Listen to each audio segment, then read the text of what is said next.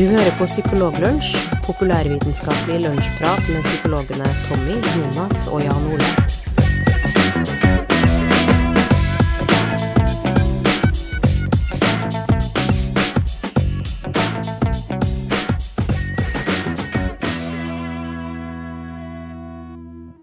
Det er vår, det er sol, og det er podkast-tid. Og straks er det også grunnlovsdag. Eller er det egentlig det? Jo, det er det. Når vi sender ut denne podkasten, så er det grunnlovsdag om to dager. Eh, har dere noen planer for 17. mai, folkens? Jeg har planer for 17. mai. Har du det? Jeg skal ta en lang sykkeltur på Gran Canaria. Nei. Nei. Oi! Mm, det skal jeg. Fish. Og så skal du rett ned og spise eh, pinnekjøtt på den eh, lokale norske restauranten på Gran Canaria. Helt sikkert, helt sikkert klassisk pinnekjøtt på 17. mai cheese? i 30 varmegrader. Excuse me, some cervezas and uh, brown cheese, please. Yes. Det er sånn. Det er nok, det er nok dessverre sånn, men øh, jeg gleder meg likevel, da. Ja. Jeg har faktisk eh, Det er sånn at Spania-posten, eller Spania-magasinet, eller i hvert fall en sånn avis for nordmenn i Spania, som følger meg på Twitter. Oh, ja? Eh, Det er jeg ganske stolt over. Jeg lurte på hvorfor, da, men eh, da har jeg jo jeg fulgt tilbake. Da, så nå har jeg muligheten til å følge med på hva som skjer. Og Ja. hvis, du, hvis du gjør noe skandaløst, så havner du sikkert på Twitter-feeden. Jeg drar jo ned dit fordi at de ikke følger meg på Twitter, så jeg skal ned dit og bygge eh, relasjoner og bygge nettverk. Så Ja. også blir fulgt eh, på Twitter av den eh, norske avisen i Spania. Ja, og det er bra. Nei, det, det gleder vi oss til. Du, i dag har vi et uh, fullspekka program. Det er viktig å opprettholde fokus, og av den grunn så skal vi ha litt fokus på fokus. Illusjonen, da.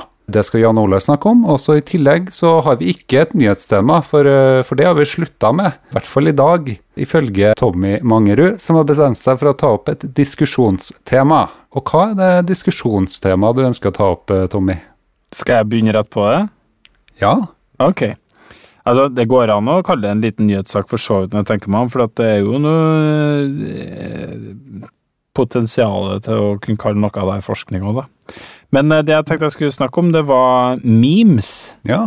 som kidsa er opptatt av nå til dags. Kan du ikke forklare litt hva memes er, for det er noe som eh, jeg òg har snubla over. Eh, nå har jeg jo skjønt litt mer hva det er, men eh, da jeg kom over det i første omgang, syns jeg jo det var eh, veldig merkelig. Ja, du har begynt å forstå det nå i løpet av de siste fire åra, fem åra? Du, siste to ukene så har jeg skjønt at eh, ja, det her er noe ungdommen liker, har jeg tenkt. Ja, ikke sant?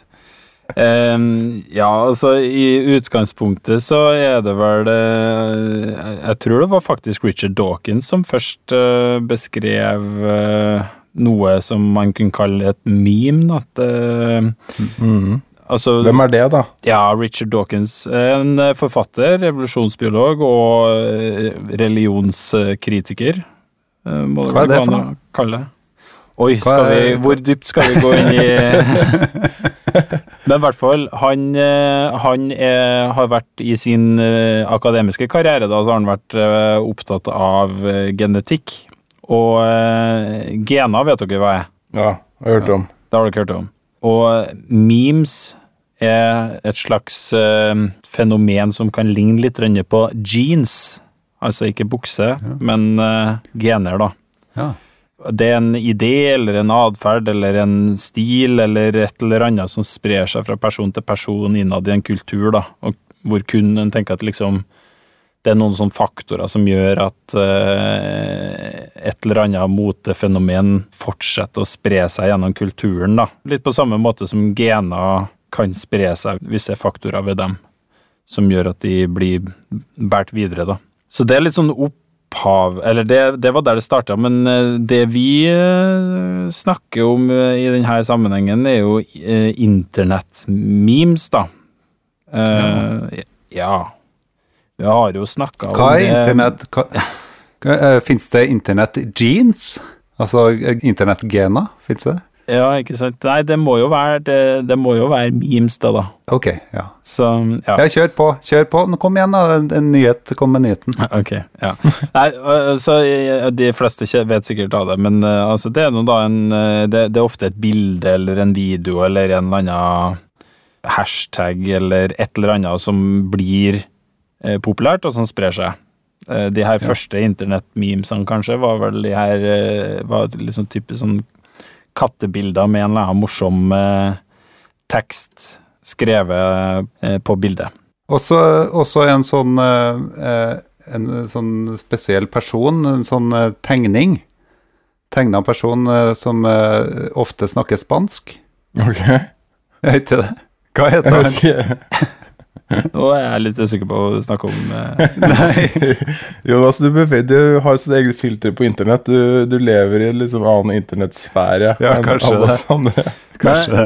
det, Nå heller jo hele diskusjonen på å dette litt i fisk, for at Ja. jeg, jeg, hadde jo, jeg hadde jo en forventning om at dere var relativt oppdatert på det, siden vi Nei, vi er oppdatert. Ha, ja. Vi er har oppdatert. delt, Kom igjen, kjør eh, debatt. Vi har delt memes med hverandre i mange år.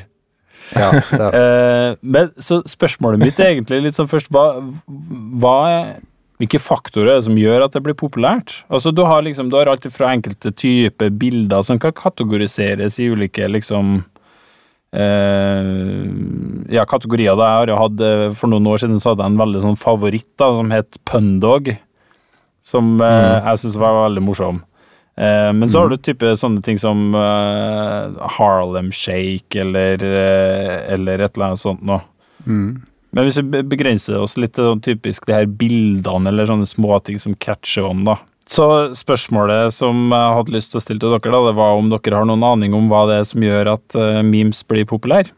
Det uh, er jo jeg, har jo jeg, jeg vet ikke om det er en riktig anelse, men jeg har jo noen tanker.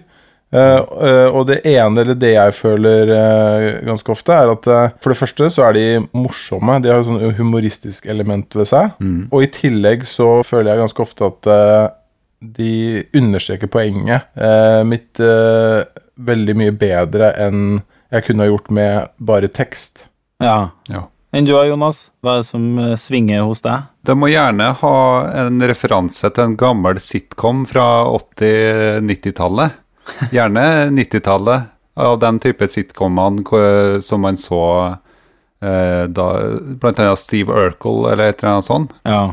Gjerne et bilde av Steve Urkel, eller en animasjon av Steve Urkel, og et eller annet som understreker at eh, det her forstår ikke jeg, eller det her er funny, eller Men, ja, men hvor, det er interessant. Hvorfor syns du at liksom nostalgi eh, Hva er det med nostalgi som gjør at du husker det, eller som gjør at du har lyst til å dele det videre til andre mennesker, da?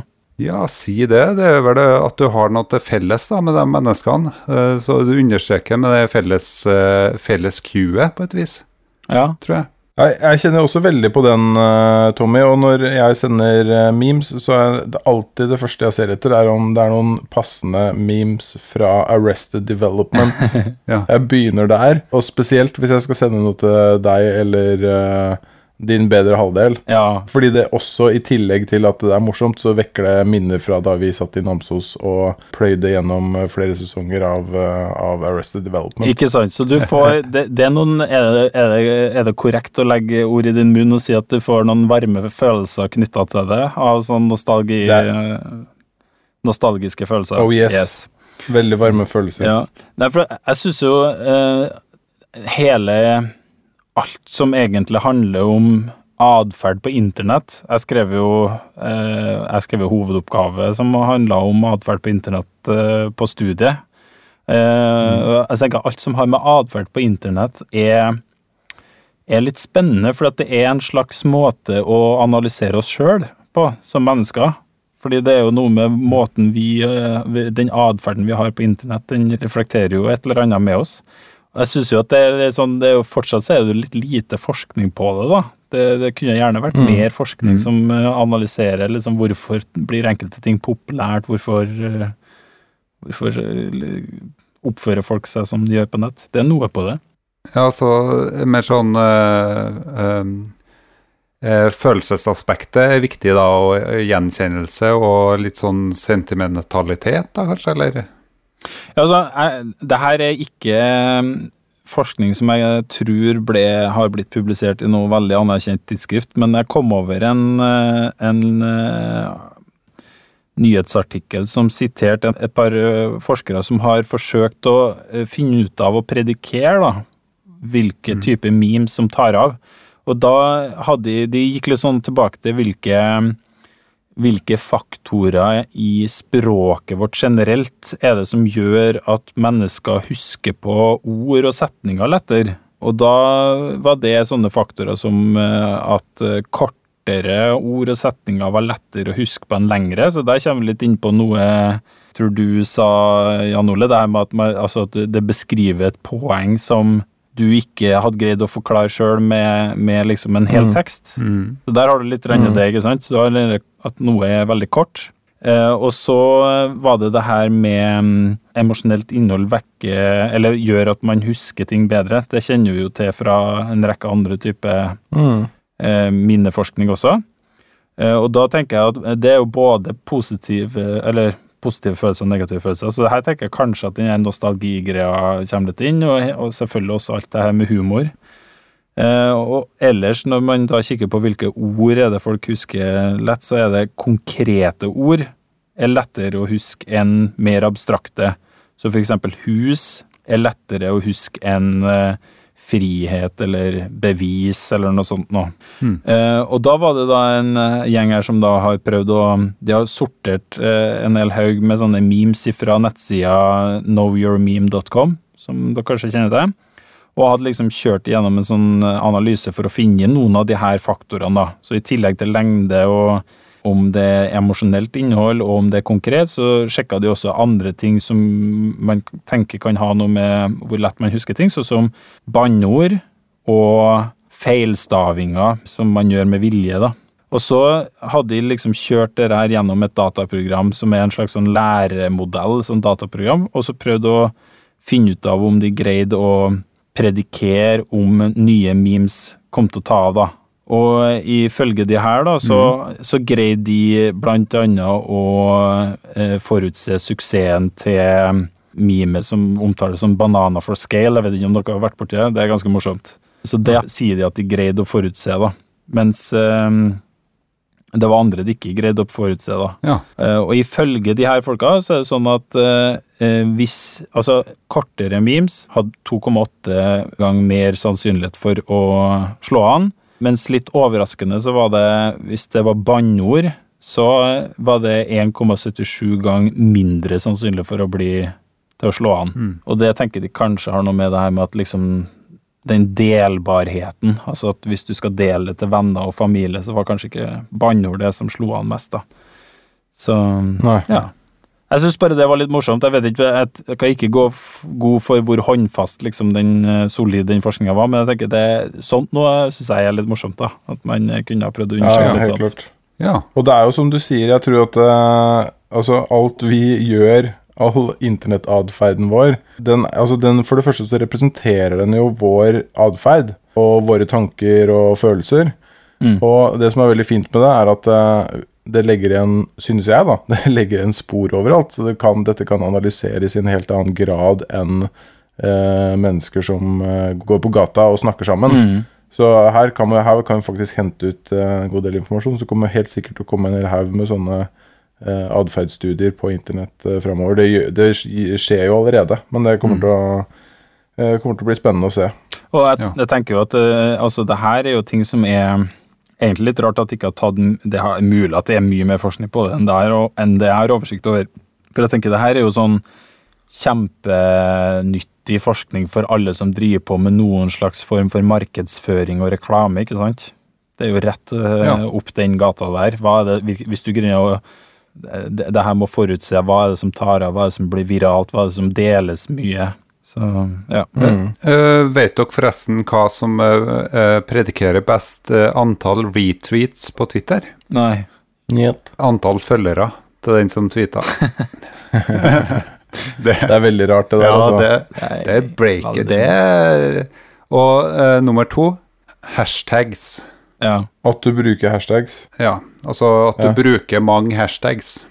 Mm. Men uh, det her var jo også en ting som ble nevnt i denne nyhetsartikkelen, for det var noen som hadde gjort en uh, Hadde forsøkt å uh, predikere hvilke type hashtags på Twitter som tok av.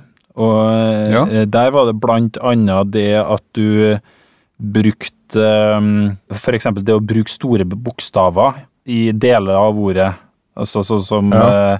Eh, hvis du skal skrive eh, NRK-debatten eller et eller annet sånt, så bør du liksom ha NRK i store bokstaver i stedet for små, for det gjør det lettere å lese osv. Så, videre. så det har noe med persepsjonsapparatet å gjøre også, Ja. da. Ja, helt klart. Ja. Så den følelsen må du skrive med Stor D og stor F. Med, ja, ja. Apropos markedsføring, har dere smakt den nye eh, Jarlsbergosten? Som ikke er Jarlsberg, men som er eh, Synnøve Finden sin, og som heter Nei. Kongsgård. Nei, jeg har sett den, men jeg har ikke smakt den ennå. Skal det være en Jarlsberg-kopi? Ja, det var jo for uh, noen måneder tilbake så var det sånn at de uh, lanserte den med underteksten av Jarlsbergost type. og så, og så saksøkte Tine Synnøve Finden, og, og så fikk de, eh, fikk de gjennom at de ikke fikk lov til å bruke det lenger. De fikk gjennom at de ikke fikk lov til å bruke det, Ja, og da bytta de til fra jarlen Nei. som bodde på berget. ja men eh, det som, var, det som var det geniale med det, var jo at de fikk gjennom at de fikk lov til å ha sensurert under på over der det sto av Jarlsbergost type. Oh, ja.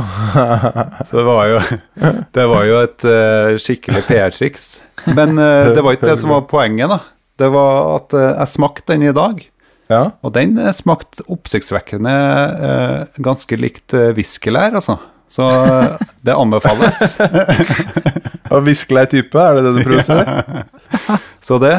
Og med den fokuserte overgangen, eh, så tenkte jeg at vi skulle gå over til å ha litt fokus på fokusillusjon med eh, Jan Ole, Ekstrastiftelsen Hesselberg i Drøbak. Det er meg veldig fint, eh, fint å få en introduksjon der. Jo. Altså, fokusillusjonen, det er noe vi har vært inne på her før, og jeg har helt sikkert babla om det. Eh, Men jeg kan ikke huske veldig spesifikt at jeg har gjort det, og da regner jeg med at det er få der ute også som husker det. Men Tommy, du var inne på Richard Dawkins i stad, denne eh, evolusjonærbiologen. Mm.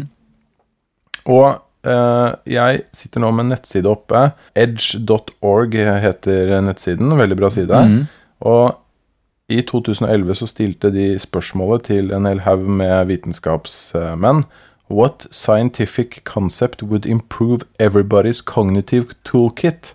Altså mer eller mindre egentlig hva ville man blitt smartere og lurere av å vite om? Altså hvilket eh, vitenskapelig eh, fenomen eller konsept ville du blitt lurere av å ha med deg videre og forstå. Og da ser jeg her at de to som står helt øverst, som eh, har blitt lest oftest her, det er Richard Dawkins sitt forslag, og en annen mann som heter Daniel Kahneman sitt forslag. Ja. Oi. Daniel Kahneman nevner fokusillusjonen, som jeg skal komme tilbake til. Og Richard Dawkins sitt favorittkonsept, hva tror dere det er? Det er vanskelig å gjette. Det er vanskelig å gjette. Dere skal slippe å gjette på det. Men det er rett og slett The Double Blind Control Experiment. Akkurat. Ja, ja, ja. ja. Han mener at eh, hvis alle hadde bare forstått hva egentlig et dobbeltblind eh, kontrollert eksperiment eh, var, og hvorfor det er lurt å gjøre det, så ville verden blitt et bedre sted. Hvor langt opp eh, på lista kom eh, confirmation bias? Du, det har jeg ikke sett her uh, enda, men det er sånn typisk I disse kretsene her så har jo det blitt uh, såpass godt debattert allerede at det blir, blir for lavt for dem å nevne det. Nei, det blir for, eh, for lite spektakulært. Men helt øverst så står det altså Daniel Kahneman, denne nobelprisvinnende psykologen, og han nevner The Focusing Illusion. Nå skal jeg stille dere spørsmålet. Jeg kjøpte nettopp billetter til eh, Bruce Springsteen-konserten som skal være i juli i Frognerparken. Og i den forbindelse så kunne jeg lese i avisa at hans tre konserter i Norge omsatte for 100 millioner kroner. Wow. Tre konserter. Og jeg vil tippe han sitter i hvert fall igjen med halvparten sjøl. Ja. ja. Hva ville dere ha gjort hvis dere hadde holdt tre konserter og satt igjen med 50 millioner kroner? Hva ville dere gjort med de pengene? Oi. Det er vel bugg, da. Ja. Ja, det er klart det. Det er eh, i hvert fall 5 millioner på bugg. Da har du 45 millioner igjen. Ja. Jeg ville ha satt dem inn på høyrentekonto, for nå er det bra avkastning, har jeg hørt. På, ok, det, uh, dere kjøper bugg og setter inn på høyrentekonto. Slutt å tulle nå. Denne øvelsen her har dere gjort 100 ganger før. Hvis dere faktisk hadde fått 50 millioner kroner for å holde tre foredrag i Norge, hva ville dere ha brukt de pengene på? Betalt eh, ut alt av lån, Ja, og så dratt på ferie. ja. Det hadde vært kjekt å holde tre foredrag til, og så tjent eh, 100 millioner. Ja, det, det ville jeg brukt i Dere er så dårlige på det. Altså, den øvelsen her den, gjør det med vilje, Hvor Janne. ofte har man ikke gjort den før, da? I hvert fall har jeg gjort det mange ganger, og kanskje spesielt som barn. Og, men nå også, ikke sant. Jeg, jeg ville jo betalt ned lån. Jeg ville ha satt av en god del til noe formål som jeg syns eh, fortjener å få de pengene. Ja. Eh, og ville helt sikkert Altså, jeg ville tenkt, noe- ville tenkt veldig på å kjøpe Mm. Eh, en del ting. ja. Eh, og så er jo poenget at når jeg ser for meg hva jeg skal bruke alle de pengene på, så fylles jeg jo ikke akkurat av ubehag. Det, er ikke, det er ikke ubehagelige situasjoner jeg ser for meg. Nei, Nei. det er sant. Eh, det samme er det når eh, jeg har bestilt ny bil, og det gleder jeg meg veldig til. Mm. Jeg ser jo for meg at når den nye bilen kommer, så når jeg prøver å visualisere det, og ser for meg hvordan mitt nye liv med den nye bilen skal bli, Mm. så er det bare positive følelser knytta til det. Det er sant, det. Ikke noe negativt. Nei. Vi tenker Eh, Når jeg ser for meg turen til Gran Canaria, så er det også bare positivt. Ja. Eh, Når man går på en visning og faller for et hus eller en leilighet, da er det også bare positive ting man ser for seg. Mm. Og poenget er at i de situasjonene så rammes vi av noe som kalles fokusillusjonen. Og Kahneman beskriver det aller best, syns jeg, med sitatet Ingenting i livet er så viktig som du tror det er når du tenker på det. Og det er en utfordring for oss, og litt av forklaringen på hvorfor vi ikke alltid gjør ting som uh, gjør oss uh, lykkelige, hvorfor vi bommer noen ganger. Eh, For vi tenker jo vi tenker jo ikke på altså Det blir jo tungt å bære den sekken med 50 millioner oppi. Kan jo få ryggplager. uh, og, men Ja. altså, ja, det du ser for deg, er positive ting knytta til det. Helt, Det er jo massevis av positive ting knyttet til eh, det å få 50 millioner kroner. Og det er også masse positivt knytta til eh, de tingene du skaffer deg for de 50 millioner kronene. Det er det ingen tvil om. Men det som skjer, er at det, siden du ikke ser noe annet mm, siden du ser deg liksom blind på det, siden fokuset ditt er på disse tingene, så tror du for det første Overvurderer du for det første impacten av de, altså i øyeblikket. mm, Eh, og så overvurderer du også varigheten av den uh, følelsen. ja. Eh, så du, så du, for du glemmer at det er andre ting som skjer, og du glemmer også at den følelsen kommer til å avta. Ja. Eh, Så når jeg ser for meg eh, at jeg skal kjøre i den bilen, og at, at ungene sitter komfortabelt i baksetet, og det er god plass, og jeg kan stryke hånda mi over eh, skinnsetene, eller nyte godt av den nye teknologien som den gamle bilen ikke hadde, så glemmer jeg at den, når jeg kjører bil i framtida med den bilen, så kommer den bilturen til å handle om veldig mye annet enn at jeg har hånda mi på de skinnsetene. Sant? Da kommer den bilturen til å handle om ganske nøyaktig det samme som en biltur handler om i dag. Ja. Og det er hvor du skal hen, hva du må huske på å gjøre, at du må huske på å plukke opp ungene dine, og Ja. at du skal handle. Sant? Fokuset ditt kommer ikke til å være på teknologien i den bilen. Og alle med sånn sølete regnbukser og, og støvler bak i baksetet og alt mulig sånn som eh, sparkes inn i setet, sånn at eh, alt blir ødelagt. Ikke sant? Det, ja, det er jo bedre i en gammel bil, egentlig. Så Daniel Kahneman øh, øh, mener jo at øh, dette er et såpass viktig konsept øh, som vi bør forstå og ha med oss, fordi at det, det, det påvirker beslutningene våre i negativ retning. Ikke bare fordi at vi ser for oss at ting skal bli mye bedre enn de faktisk blir, men også fordi at vi tenker at ting skal bli mye verre enn øh, de faktisk eh, skal bli. Så derfor bommer vi på en god del avgjørelser som vi tror dette kommer til å gjøre meg mer lykkelig. Og, det, og så tar vi rett og slett feil i det.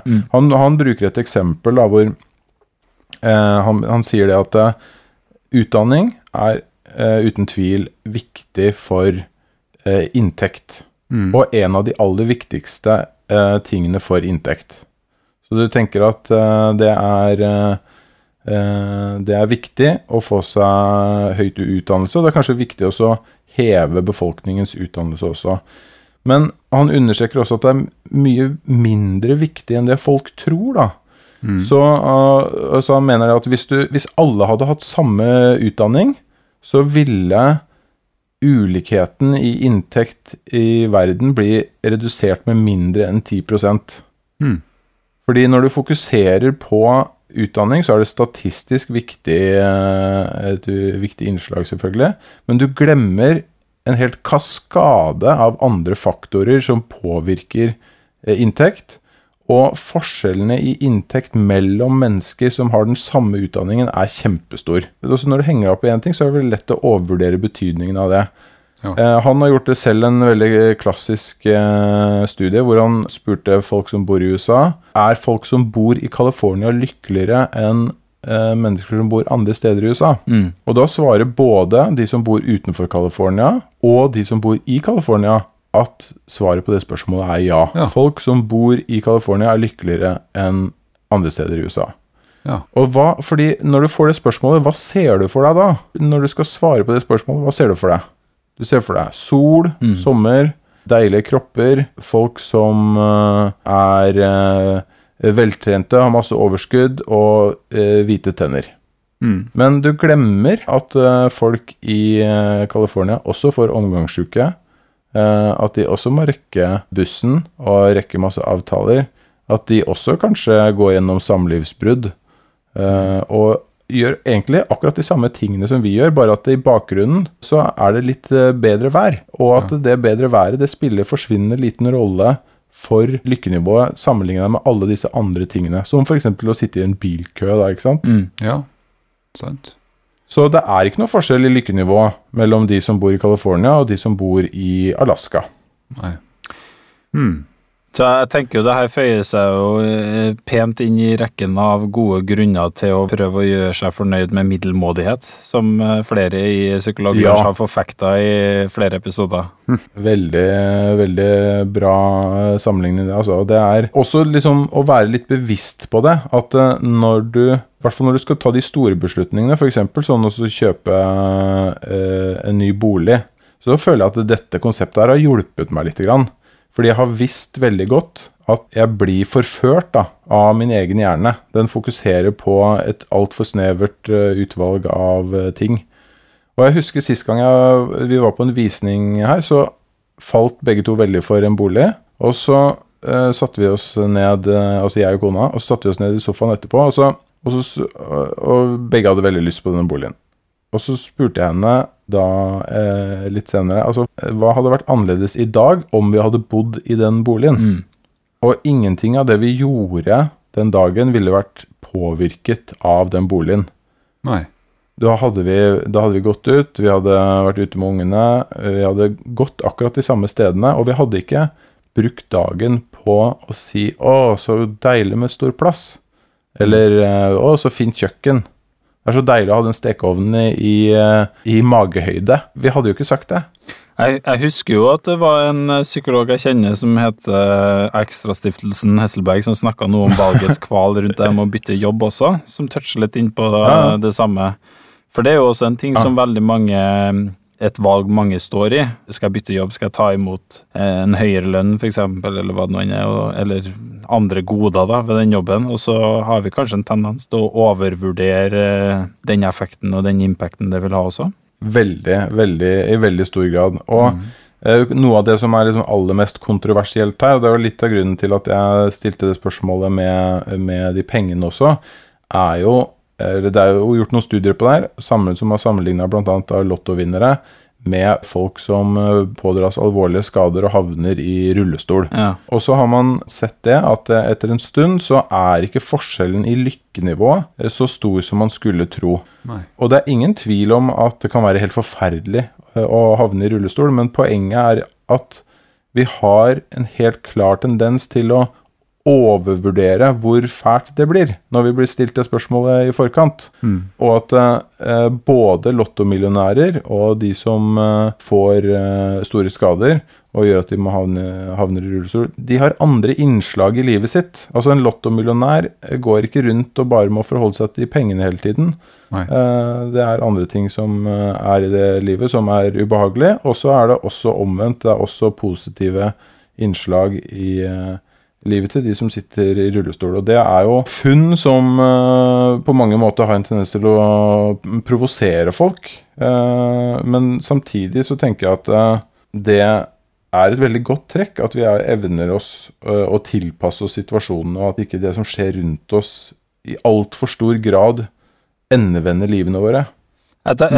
jeg tenker på det er en annen, eh, en annen studie som jeg tenker på når du snakker om det her, Jan Olle, som jeg syns var veldig interessant den første gangen jeg hørte om det. Det var jo eh, litt den her eh, tanken veldig mange har om eh, tidlig pensjon. Det om å førtidspensjonere seg. Som jeg tenker sikkert mm. er en ting som mange har et litt for eh, positivt eh, syn på. De tenker at det er en veldig bra mm. ting.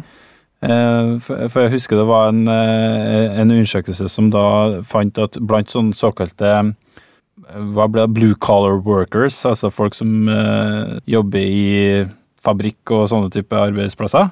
Mm. Um, Blir det riktig å si det? Ja. Ja. Eh, folk som jobber i sliteryrker. Sliteryrker, det var en mer generell måte å si på. Um, da, da fant man ut at hvis du for hvert år du førtidspensjonerer deg, så hadde du da en eh, sannsynlighet for å dø eh, jeg tror det var to måneder tidligere per år du førtidspensjonerte deg, liksom. Ja. Så, um, så det er jo ganske lite glamorøst. ja, ikke sant. Ja. Jeg kan se om jeg finner en eh, lenke til den, og så kan vi legge det ved i shownotes. Mhm. Eh, Men da er det altså da eh, Så det å sette det på høyrentekonto, det vil kanskje bare føre til at du er innimellom kanskje da går inn på den eh, DNB-appen og sjekker saldoen. Men samtidig som jeg gjør det, så får jeg også en ball i hodet og, og noen som spør om jeg kan komme og tørke. er det?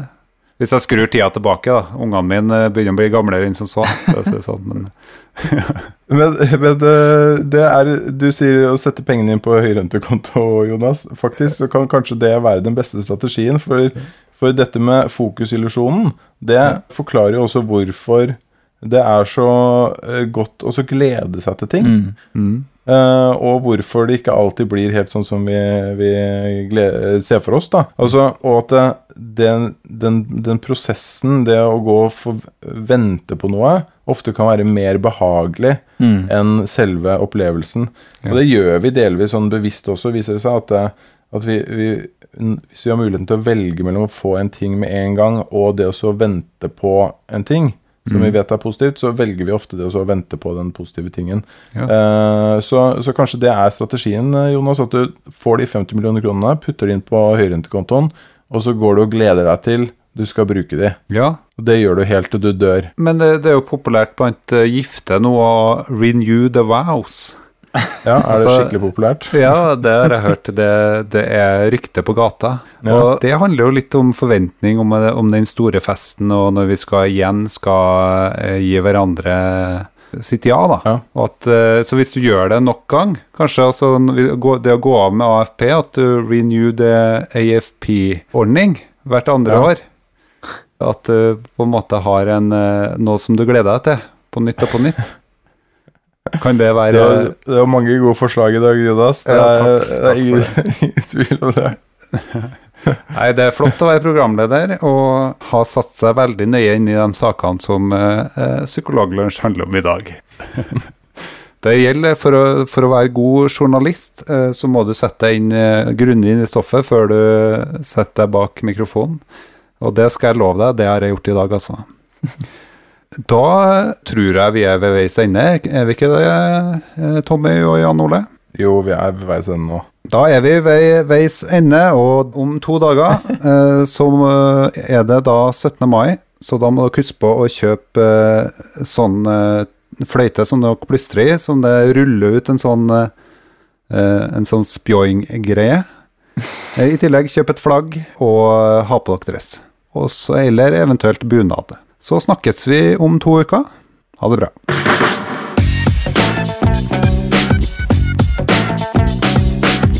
Du har nå lytta til Psykologlunsj. Har du noen spørsmål, kan du søke opp Psykologlunsj på Twitter, eller du kan sende en e-post til psykologlunsj alfakrøll gmail.com.